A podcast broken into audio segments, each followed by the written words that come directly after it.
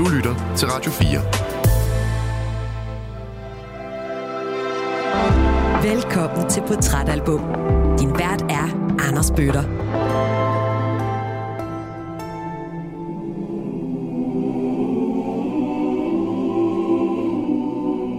Jeg kiggede jo ind i et mørke.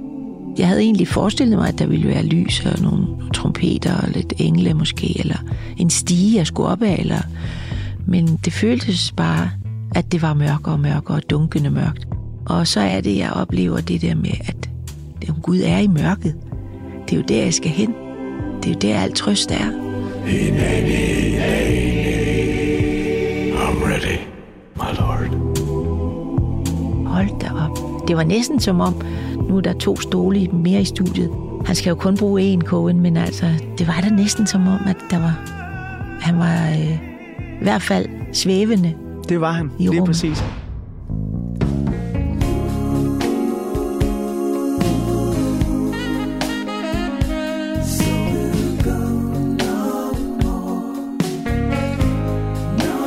At skulle beskæftige sig med Leonard Cohen i ugens udgave af Portrætalbum her på Radio 4, er for mig som at skulle besøge en god gammel ven. En af den slags venner, der ligesom favoritgyngestolen henne i hjørnet, er begyndt at knage lidt med alderen, men alligevel stadig giver et kærkomment, varmt knus, når man omfavner den længselsfulde langsomhed, som er en del af venskabets fundament. For Cohen, han insisterer, lidt ligesom ugens gæst, på skønheden i den langsomlige eftertænksomhed. Og den skønhed vil jeg gøre mit allerbedste for at få foldet ud i løbet af de næste 2 gange 55 minutter her på Radio 4. Hjertelig velkommen til Portrætalbum. So we'll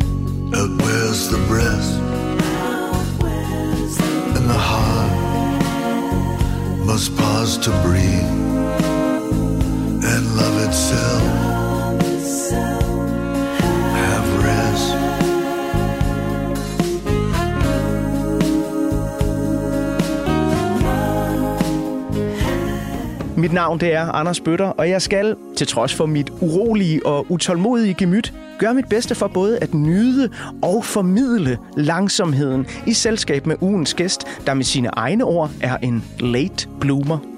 Hun blev færdiguddannet fra Statens Teaterskole i 1990, da hun var 30 år gammel. Siden fulgte et hav af imponerende roller på teatre, som blandt andet Jomfru Ane Teatret og Det Kongelige Teater. Hun fik et større filmisk gennembrud i Lars von Triers 1998 dogmefilm Idioterne, hvor hendes præstation blev hædret med både en Bodil og en Robert. Siden er Mein anden hedder fuldt efter, lige fra udnævnelsen til Ridder af Dannebro i 2010, vinder af årets Stirk i 2014 og modtager af Niels Ebbesen medaljen i 2020. I biografens mørke, der har du måske mødt hende i alvorlige film, såsom De Forbandede År og Hvidstengruppen, samt i mere morsomme roller, som eksempelvis filmene Mænd og Høns og Meter i sekundet. Inde i den dejlige tossekasse, der har hun igennem de seneste år brilleret i så forskellige ting som rytteriet, badehotellet, ridet træ og minkavlerne. Og sidst, men så absolut ikke mindst, så har hun her i 2023 haft sin debut i Cirkusrevyen. En debut, der blandt andet blev modtaget med seks stjerner i Berlingske, som skrev, det kan ikke gøres bedre.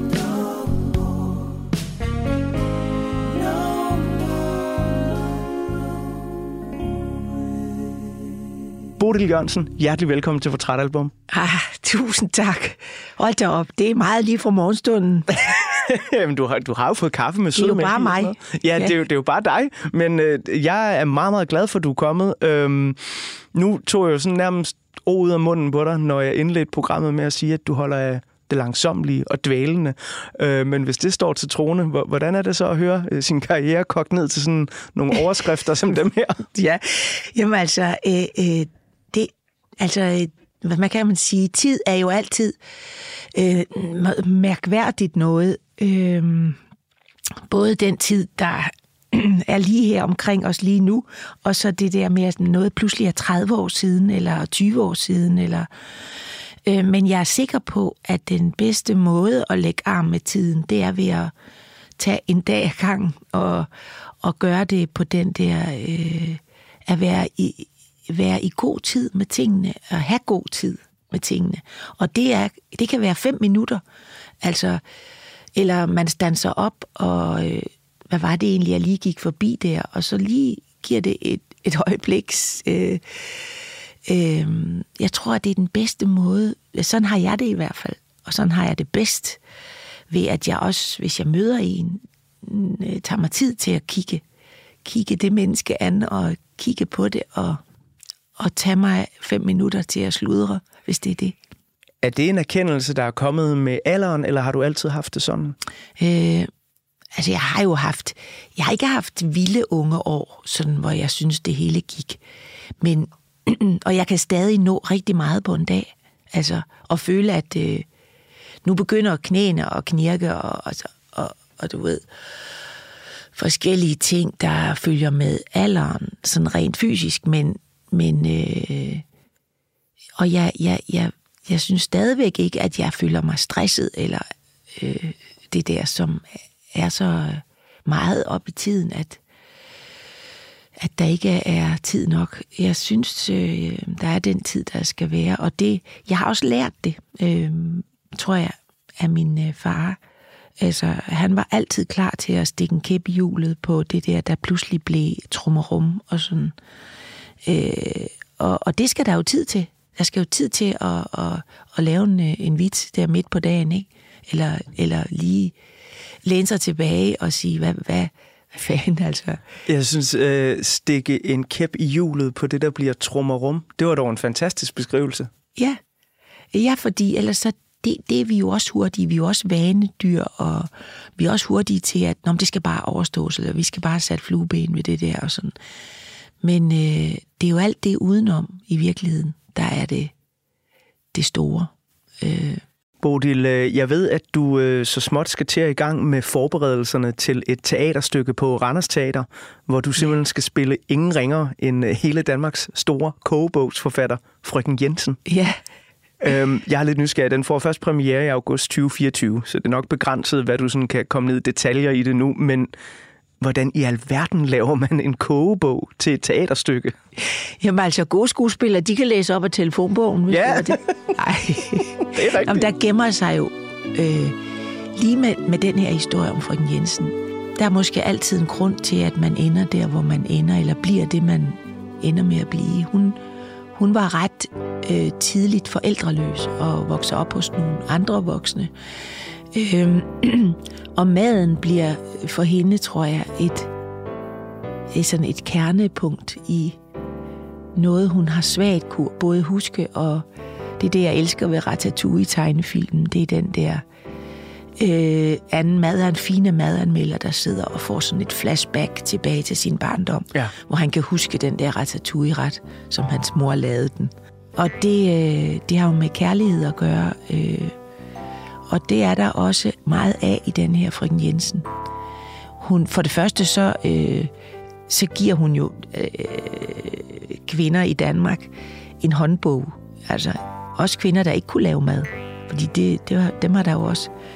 Øh, min mor var også en af dem, ikke? og hendes søstre var rigtig gode til det, men, men min, min mor var knap så god. Ikke? Og, og hvad man kunne hente af små fif i den der bog. Så hun har været en stor dame. Øh, ja, også mænd har haft den stående i deres køkkener. Og jeg har haft den stående. Ja, ja. jamen fuldstændig. Og, og så øh, havner hun jo hos Melker-familien lige her, øh, nede ved Folketeateret i København, hvor hun bliver en slags husbestyrerinde. Og der kommer den her lille Laurits Melker til verden, som ender med at blive en stor verdensstjerne, operasanger og verdensstjerne. Og ham har hun jo fodret op Øh, jeg tror ikke, hun var god til at synge, men hun lavede mad til. Hun var en slags amme for ham næsten. Hans mor dør øh, tidligt også. Jeg skal ellers love for, at øh, et enkelt spørgsmål om, hvordan man øh, laver ja. kobo til et teaterstykke, virkelig kunne afføde en hel historie. Der, der er jo masser af kalorier i Frøken Jensen, som nu vil jeg også indrømme, jeg, jeg kendte ikke hendes historie. Nej. Jeg kender kun kogebogen. Øh, men det er, er noget, som jeg glæder mig meget til at se på scenen, hvordan øh, I får sat det her øh, ja. i søen. Øh, nu er jeg sådan lidt nysgerrig. Nu har du både nævnt øh, fatter, der i, i barndommen var god til at stikke en kæp i hjulet på trommerummet, og din egen mor, der også havde øh, frøken Jensens øh, kogebog. Hvad, hvad, hvad tror du, øh, mutter og fatter ville sige til, at øh, nu skulle Bodil simpelthen spille frøken Jensen på de skrå brædder? Ja, altså det har jeg jo... Grunden til, at jeg også skal til Randers, er jo fordi, at jeg er knyttet til, vid, lidt til Hvidsten øh, stadigvæk, og til kronen der, og øh, så kommer jeg tættere på i en tid, og kan tage ud og, og, og besøge dem og, og, og spise den gode æggekage. Og, og der spillede jeg jo også en kvinde, der har levet øh, i, på denne jord. Øh, Gudrundfil. Øh, og i Danmark, og i, i en krisetid i Danmark, der var så voldsom. Øh, og det er jo ikke så tit, man som skuespiller får mulighed for det, at portrættere et øh, menneske, der faktisk har, har gået omkring. Det er jo tit fiktion, ren fiktion, det vi laver, men, øh, men lige med Gudrun Fil og nu med frøken Jensen, så er det jo rigtige mennesker. Og det øh, kræver både øh, ydmyghed og respekt, fordi øh, man skal jo prøve at netop at finde det, der, der var dem, altså prøve at dyrke det. Og, øh, og det tror jeg egentlig, Øh, min far nåede, og min mor nåede. Min mor var, blev desværre dement de sidste otte år af sit liv, 10 år måske lige frem. Men min far fulgte meget med, og også især på den her Hvidsten-film, der kom, og han nåede at se den første af dem. Øh, og var meget glad for den. Han var nu også glad for idioterne, men... Øh, men det, det er noget lidt andet. Ja. ja. Øh, og, øh, og jeg tror, uha, det er også fordi, han, øh, deres barndom var jo også krigen, og deres barndom var også, øh, øh, da frøken Jensens, øh, da den her øh, kogebog kom, altså ligesom stod på hylderne hos alle, de kendte det ikke, og, og sådan. Så det har, øh, det, vi fjerner os jo i tid mere og mere fra, fra de der øh, brandpunkter i historien. Nu har vi vores eget at slås med, men, øh, men, men mor og far, de, min far måske især også, han var frisk lige til det sidste, så han fulgte meget med i, hvad jeg, hvad jeg gik og lavede. Øh, min mor havde en vis skepsis over for det der teaterliv, og øh, hvad var det, jeg ville i det skarpe lys der på scenen. Og det, øh, altså forfængelighed og skaberi og sådan noget, det, det hørte ikke rigtigt til hjemme jeg, mine forældre var fra landet begge to, og min, min mor øh, i særdeleshed. Øh, hun var en lille dame og sagde, at hun var blevet slidt op fra nedenaf. Nå. Så hun mente altså, at hun havde fået, var blevet så lille af at, at gå alle de mil og cykle og malke køer om morgenen og, og samtidig passe en øh, realskole og alt muligt og cykle til Gørding 8 kilometer og alt det der. Så øh, det er jo også i den sidste ende af fødekæden, kan man sige, at mit fag ligger, altså skuespillet. Det er jo sådan, det er jo nydelsen og underholdningen og sådan, ikke? Men, men hun kunne ikke have levet for uden. Hun var selv en stor læser og, og også, blev også en teatergænger. Og var, var, var, var også øh, stolt af, af at, at det, det viste sig, at jeg at jeg øh, havde den passion, og at jeg, at jeg øh, blev god til det. Øh, og at, at jeg, jeg stod ved det, ikke? Det var, det var jo måske mest det. Men nu hun ikke er der mere, så spørger jeg nogle gange mig selv om, hvad er det egentlig, jeg vil der i det skarpe lys? Og så længe jeg, jeg overhovedet kan mærke, at der sker noget, når jeg, når jeg så står der, så, så bliver jeg. Fordi det er noget, der, der det er et godt sted at stå for mig. Men det er vel også en meget sund tvivl at have. Det er nemlig, jeg tror, at det er øh, lige præcis det sted, passer det der med ydmygheden og øh, rigtig godt. Øh, det giver nogle, nogle gode veje ind, øh, både til frøken Jensen og fru Fil og, ja, og fru Andersen, og, men også øh, til Karen i Ride, som er den samme Karen, som jeg lavet i Idioterne, som bare er blevet gammel. Ja. Og sådan øh, tror jeg også, øh, jeg på en måde har det bedst, og altså med det, den der ydmyghed, som måske også er den, der, der hjælper mig med det der med, at øh, har med det der, hvordan man ser på sig selv i tiden, at jeg skal ikke, jeg, jeg kan for, nok forandre så lidt, jeg kan gøre, hvad jeg kan, og mit fag er jo sådan et fag, hvor vi enten er der en forfatter eller en instruktør, eller der er, vi er jo sådan et, et vandredyr, et, et flok, øh, jeg tror det var Hitchcock, der kaldte dem kvæg-skuespillere, ikke? Det er jo nogen, man kan dirigere rundt med. Mm. Men vi har jo en frihed, mens vi går i flokken. Så har man en, man har en frihed i arrangementet. Man skal gå herfra over til døren og lukke den op. Og på den tur er jeg fri til at både tænke, hvad jeg vil, og gøre, hvad jeg vil. Og det. Apropos det her med ydmygheden og netop øh, tænke over, hvad laver jeg egentlig her i rampelyset, så er det jo også meget passende, at øh, du har valgt Leonard Cohen og albumet Dear Heather, når der skal tegnes et portræt af dig. Fordi som vi skal høre lidt senere, når jeg bladrer op på nogle nye sider af portrætalbummet, så er Leonard Cohen også en kunstner, der øh, har tænkt meget over, hvad laver jeg her i rampelyset, og det har faktisk gjort, at han i en overrække trak sig helt væk fra rampelyset på en ret markant måde faktisk.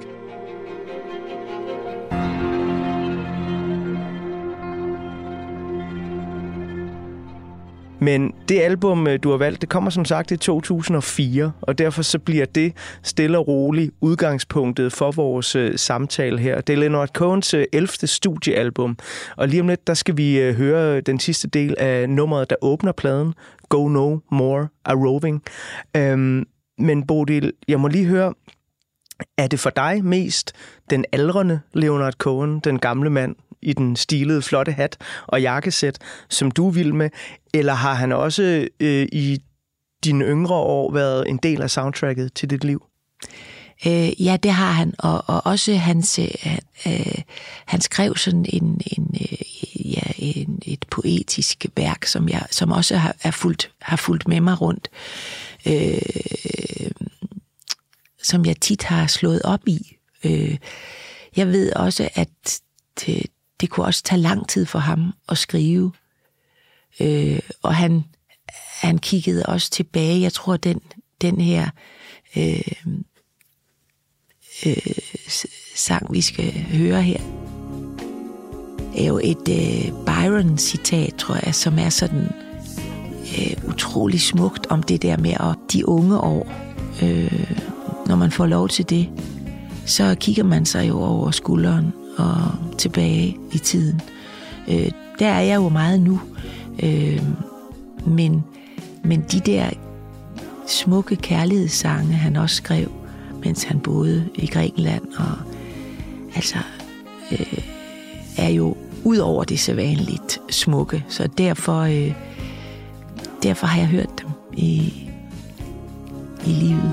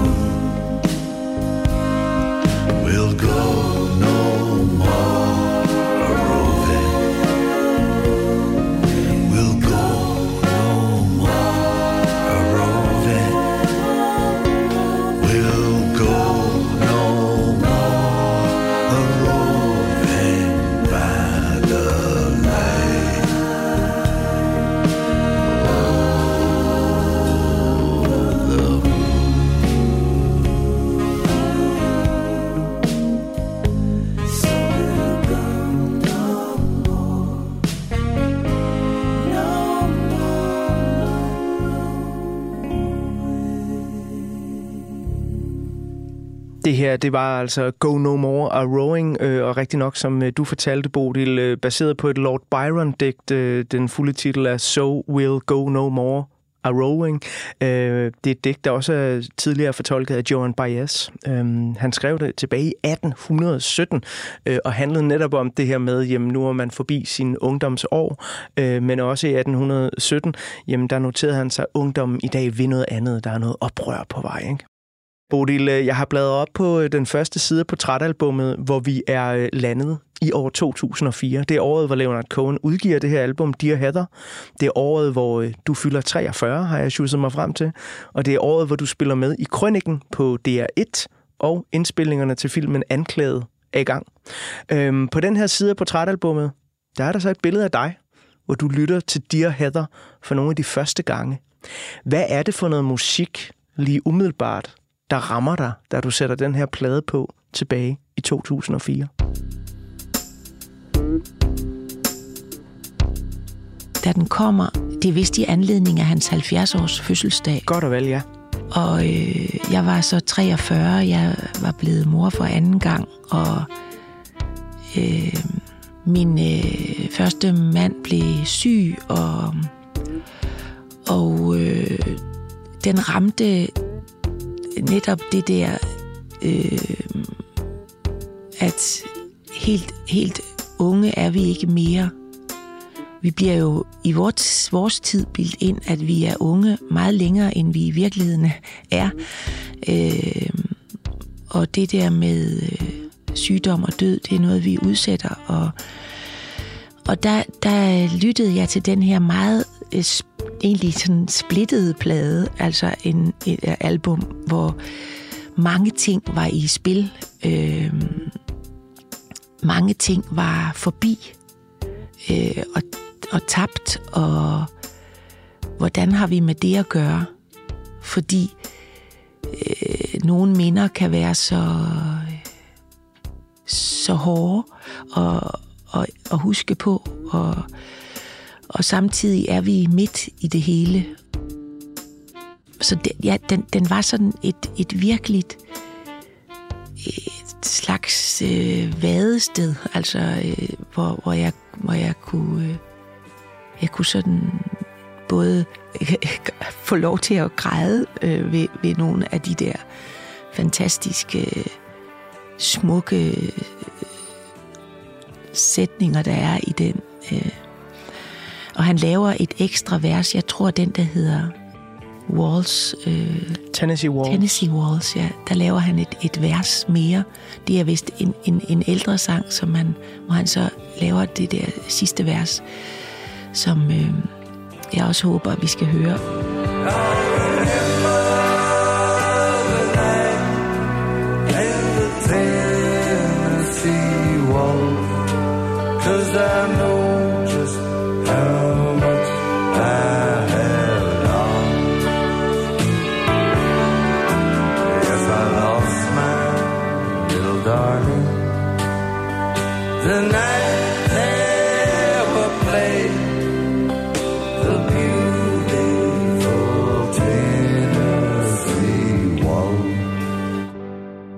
det der, hvor man, man står et sted midt i livet og kigger sig omkring øh, og har det hele, og samtidig er der meget, man skal sige farvel til og give slip på. Og, så det var, det var sådan det, det der, der gjorde, at jeg, jeg hørte den utrolig meget.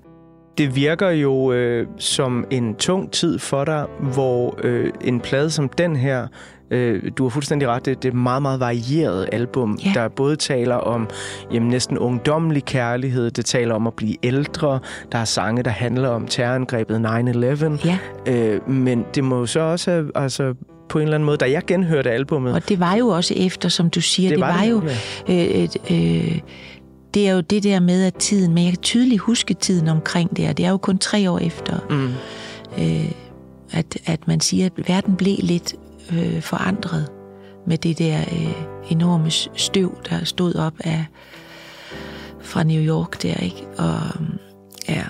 og, og, og siden, jeg læste også et sted, at øh, han dør jo i, er det i 16, Cohen dør, det Ja. tror jeg det er. at det var Trump, der, der slog ham ihjel. Altså han nåede lige at få, få færden af det der, og, og han skriver jo, han bliver jo lidt, han, han, han er jo indimellem utrolig poetisk, politisk, altså Democracy og de der numre, han også skriver, ikke? Ja, lige præcis. øh, hvor han, hvor han øh, ja, øh, vender, vender store politiske emner på sådan en ufattelig smuk måde, som man næsten kun kan holde ud og have med politik at gøre. ja, lige præcis. Det er jo faktisk, øh, som jeg har skrevet mine noter her, et uh, roligt album i en urolig tid.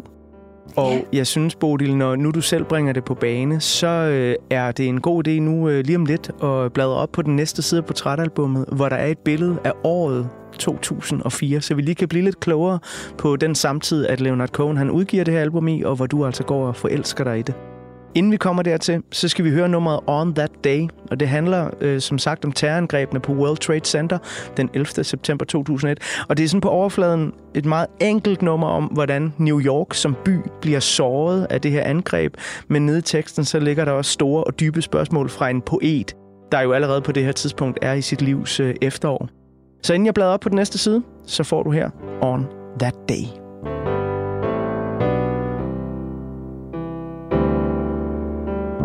Some people say it's what we deserve for sins against God and for crimes in the world.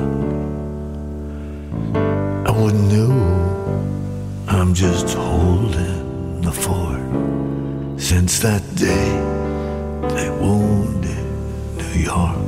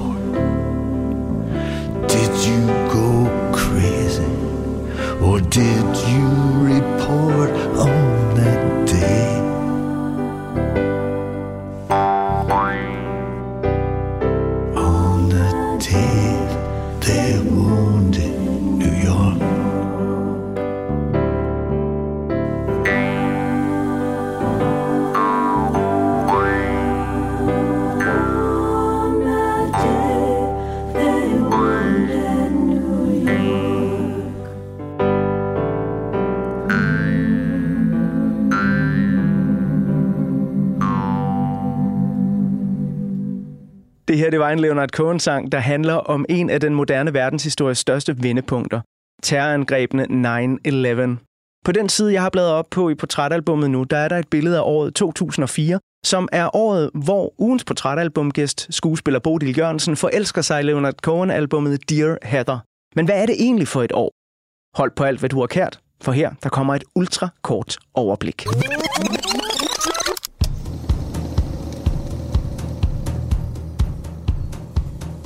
Ude i den store verden er der virkelig enorme geopolitiske overskrifter i år 2004. Det er nemlig året, hvor FN's våbeninspektører en gang for alle slår fast, at Irak og diktatoren Saddam Hussein ikke har masseødelæggelsesvåben af betydning.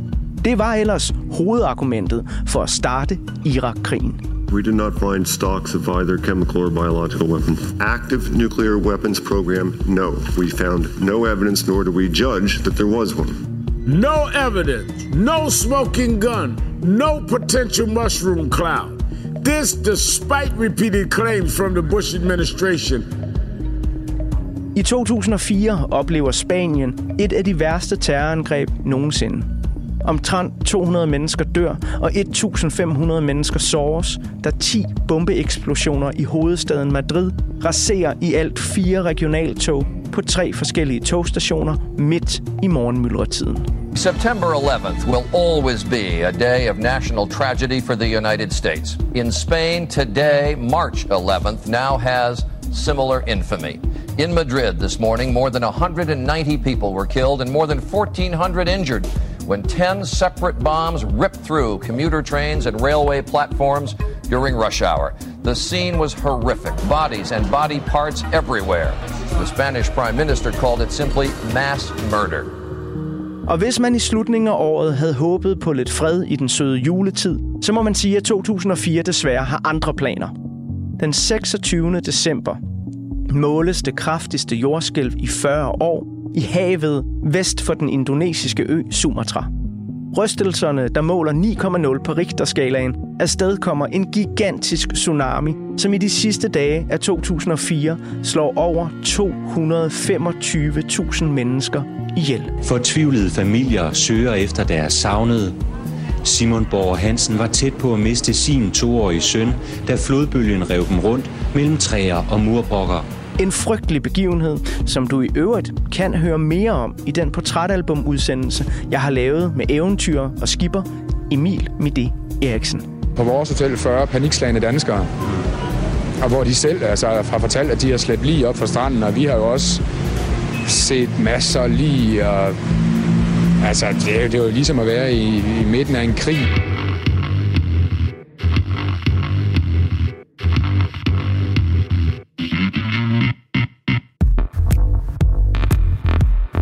Vil man gerne flygte lidt fra verdens grusomheder, så er 2004 året, hvor man kan se det sidste afsnit af verdens mest øh, populære tv-serie, Friends.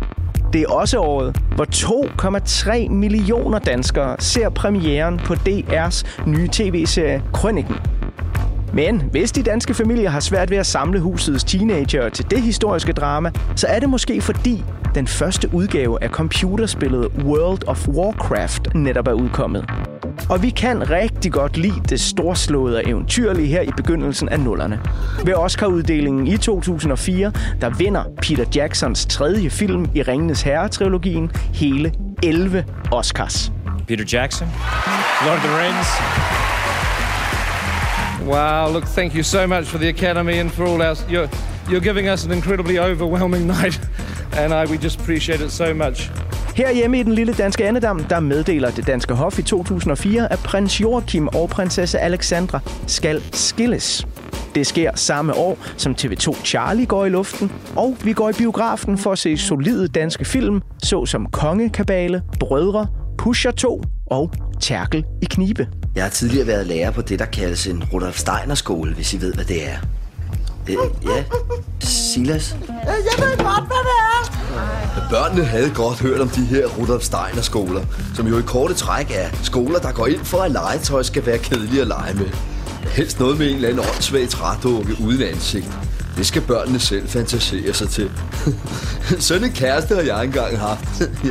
ja, hun var ganske vist ikke lavet af træ, men uh, desværre. Nå, anyways, tilbage til timen.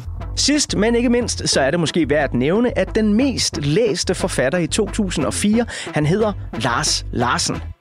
Og ja, det er ham, der har et godt tilbud til dig fra Jysk Sengetøjslager. I et anfald af ualmindelig hyggelig jysk lune og charmerende beskedent storhedsvandvid, så sender Lars Larsen nemlig sin nye selvbiografi, Goddag, jeg hedder Lars Larsen, ud sammen med en jysk reklame. De sendes til samtlige danske husstande, der modtager reklamer.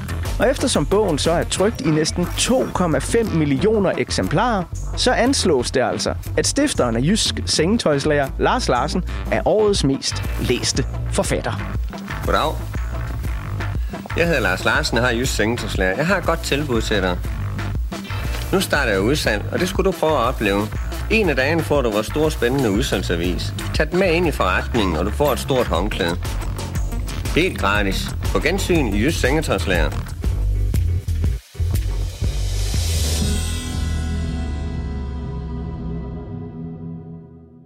Det var en lille overflyvning af 2004 Bodil, øh, som øh, det så ud, når man tager det i nogle øh, korte, simple overskrifter.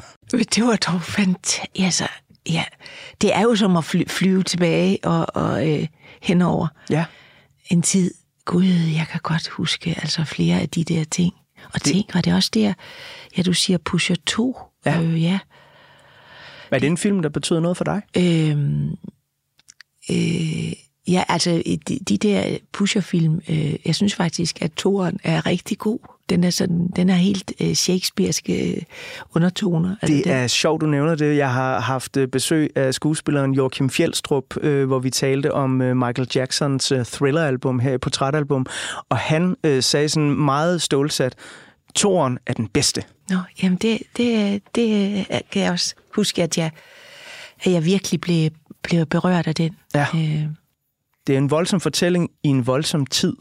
Ja. Altså, øh, som, som du selv sagde, inden vi hørte On That Day, det er jo lige ved, at, at støvet fra 9-11 terrorangrebene har ikke lagt sig på det her tidspunkt i det, at der er jo stadig terrorangreb rundt ja. om i verden, ja. som er, er helt forfærdelige. Ja. Øh, de her terrorangreb i Spanien, kan jeg huske, påvirkede mig rigtig meget. Ja, det, det er Øhm, jeg, jeg havde lige været på Interrail-tur, øh, blandt andet til Spanien. Ja. Så, så jeg var jo dybt chokeret over det. I den her tid, hvor du forelsker dig i det her album, der jo er sådan lidt en varm krammer i en tid, der også er voldsom for dig. Ja. Din eksmand bliver syg, ja. og øh, der sker en masse ting i dit liv. Øh, hvordan navigerer Bodil Jørgensen anno 2004 i det her nyhedsbillede i den her verden? Altså, hvordan øh, går du og har det med verdens tilstand dengang? Ja, altså, øh, det er jo ti- tit sådan, at når, øh, når der sker så voldsomme ting derude, så øh, er en af de, øh, hvad skal man sige, bedste måder at også at have med det at gøre, det er ved også at, at, at fokusere og koncentrere sig om øh, øh, også sine nærmeste. Altså, og når man har øh, to øh, små øh, børn og Altså, jeg kan, jeg kan, jeg kan godt huske, at, at, øh, at den der voldsomhed fra både fra øh, 9-11 og, og de der ting, jeg så pludselig bliver mindet om her, tænk, jeg troede, det der i Madrid, ja, det var i 2004, og, og tsunamien, Mm. ja, Den, altså man kan sige, den, den ligger jo netop, fordi den sker den 26. december. Ja, den ligger lige- Så ligger den lige og vipper der, ikke? Og, og det er jo sådan en katastrofe, hvor det her horrible dødstal, jeg sagde 225.000, er jo i virkeligheden noget, man først finder ud af i de første måneder af 2005. ja. Fordi det er så omsaggribende øh, Ja. en begivenhed øh, ja, af, af helt sådan bibelske dimensioner. fuldstændig. Og man kan sige, at at nu har vi haft det der jordskælv i Marokko, vi havde det i Tyrkiet, de, ligger, de begynder at ligge også ret tæt, mm. altså hvor det, der går, plejer at gå lang tid imellem, men nu begynder de sådan at... Øh,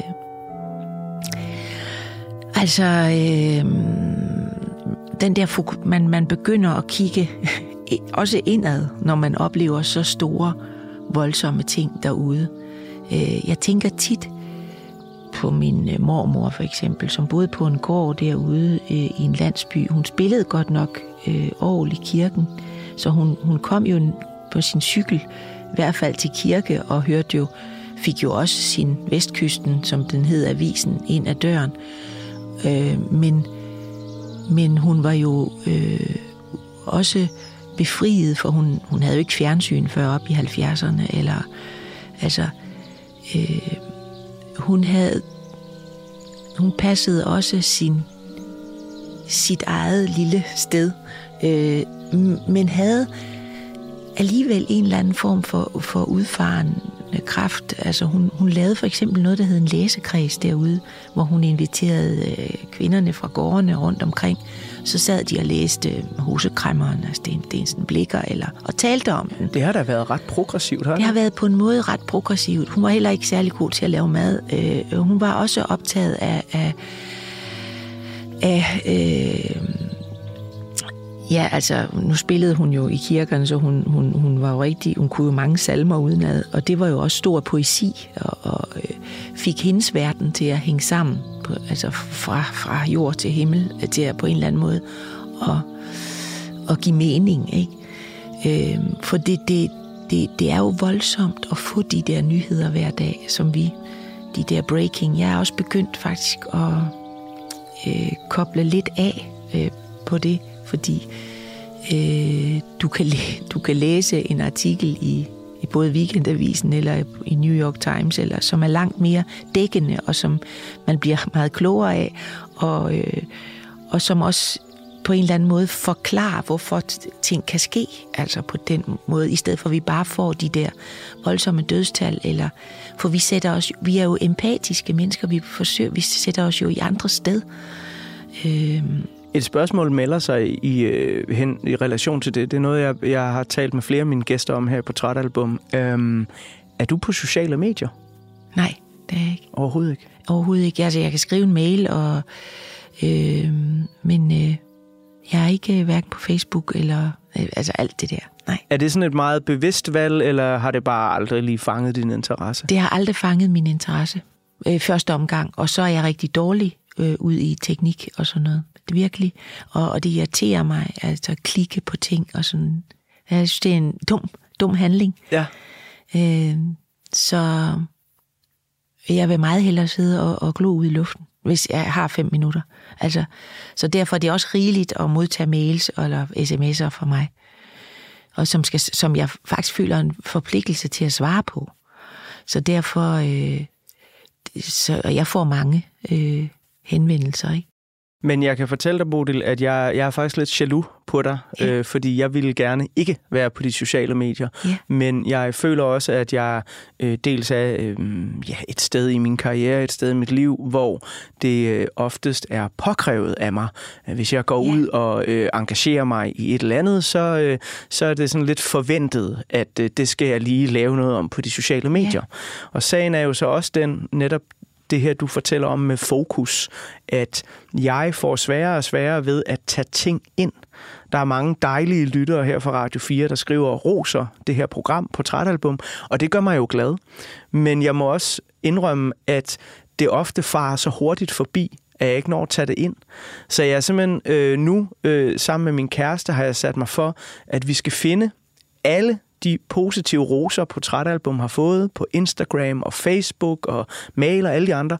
Og så skal vi printe dem ud, og så laver vi sådan en stor glædens væg hjemme hos os, ja. så jeg kan tage det ind. Lige præcis. For det, det, det er jeg også bange for, og det, det går jo øh, ud over også følelsen af at være til stede, eller den tid, vi har her, ja. her sammen på, på denne øh, hold kæft, det er en vidunderlig planet. Altså, jeg så, så lige solopgangen her til morgen ja.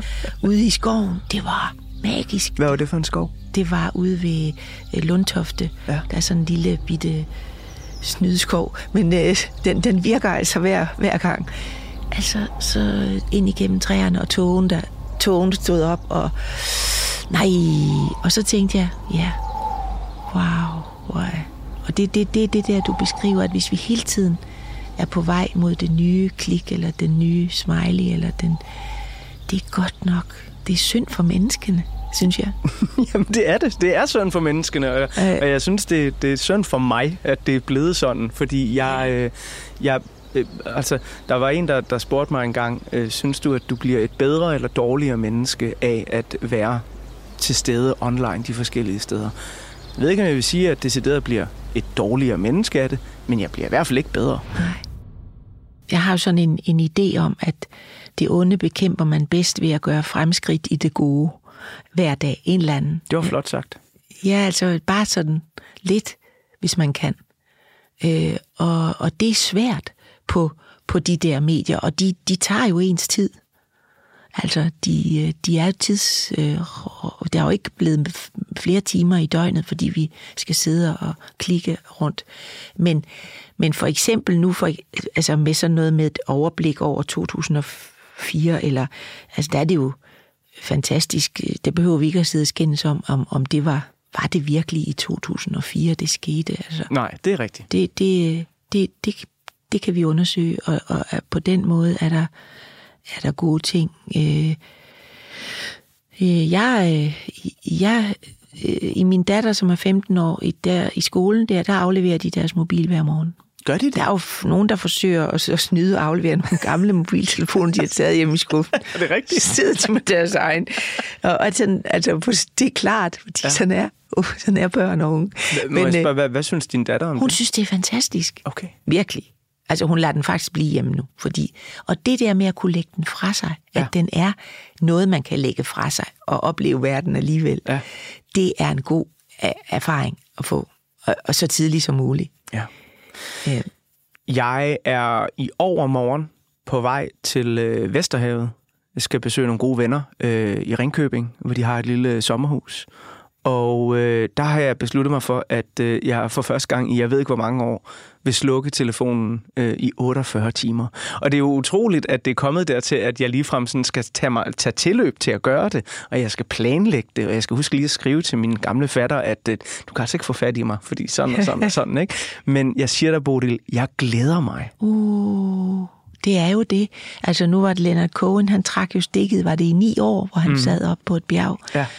Øh, fordi øh, det, det, det er sådan set det, jeg også... Øh, altså, han, han var så blevet, ligesom jeg tror, øh, snydt af nogen nærmeste. Mm-hmm. Men, men, men det der, når vi ikke øh, kan se hinanden i øjnene og inter, altså på den måde være...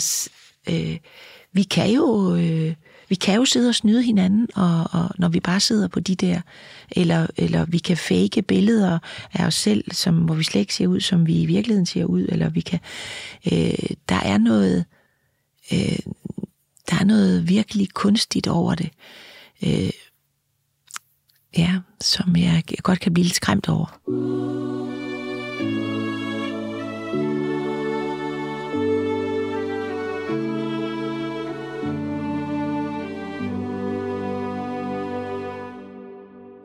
Vi øh, skal snart til at afrunde den her første del af ugens portrætalbum, og øh, i øh, del 2, som så øh, går i gang lige om lidt, den øh, ligger allerede klar der, hvor du finder dine podcasts ude på ja, det store internet.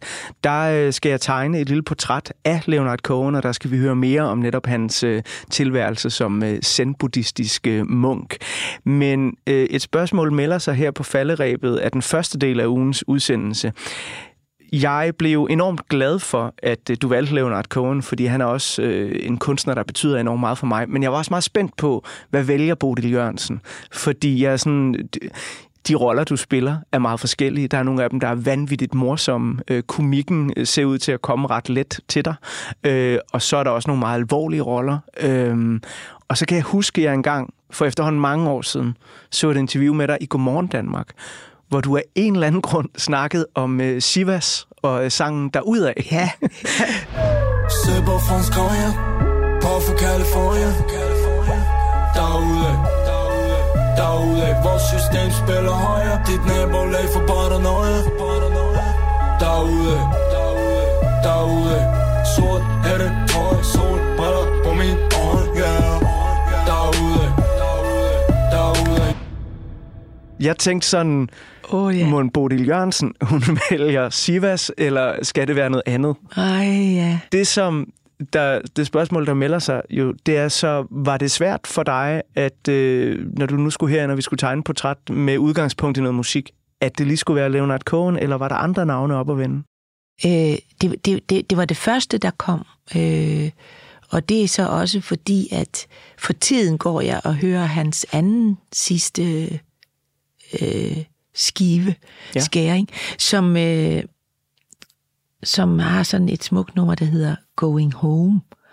Øh, det hørte jeg meget omkring mine forældre. Mine forældre døde sådan nogenlunde øh, samtidigt. Min øh, far desværre først, så kunne han jo ikke passe min mor mere, som var på plejehjem. Øh, og da han så ikke længere dukker op på plejehjemmet, så, så siger min mor pludselig nej tak til den der havregrød, som hun ellers var så glad for hver morgen med sukker og smør på. Så vendte hun hovedet væk, og så skal man bare ikke spise og drikke i ni dage.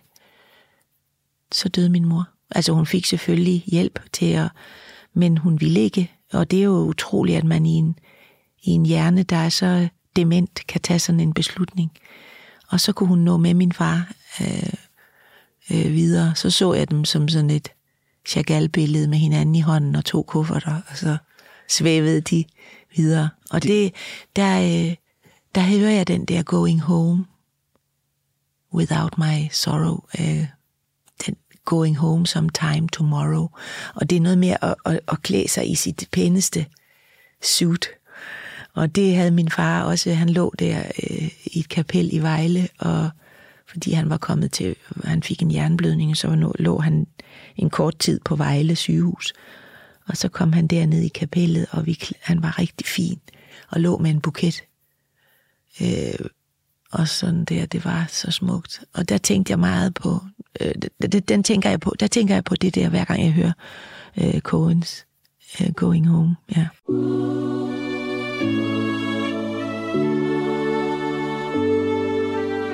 Jeg øh, kunne godt tænke mig at udøve lidt øh, civil ulydighed mod mit eget program, fordi normalt så spiller jeg jo ikke numre fra andre albums, men Bodil, hvis nogen skulle få lov til det her programmet, så skulle det da være dig. Oh. Så jeg synes, vi skal slutte den her første del med at høre lidt af Going Home.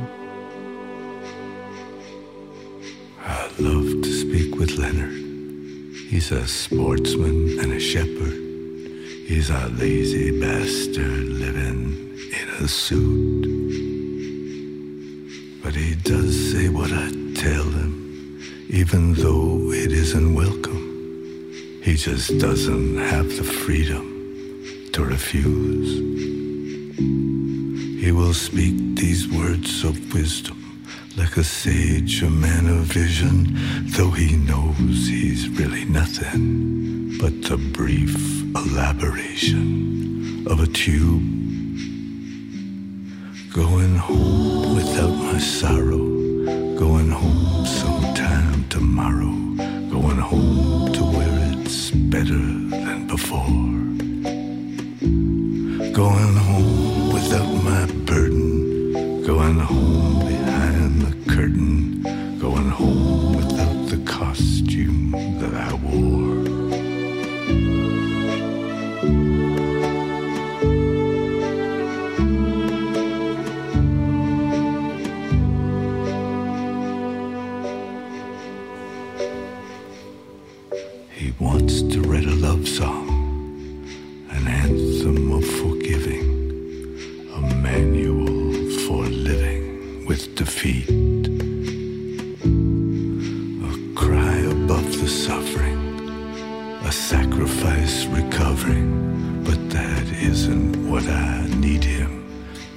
complete. I want him to be certain that he doesn't have a burden, that he doesn't need a vision, that he only has permission to do my instant bidding, which is to say what I have told him to repeat. Going home without my sorrow, tomorrow, going home to where it's better than before.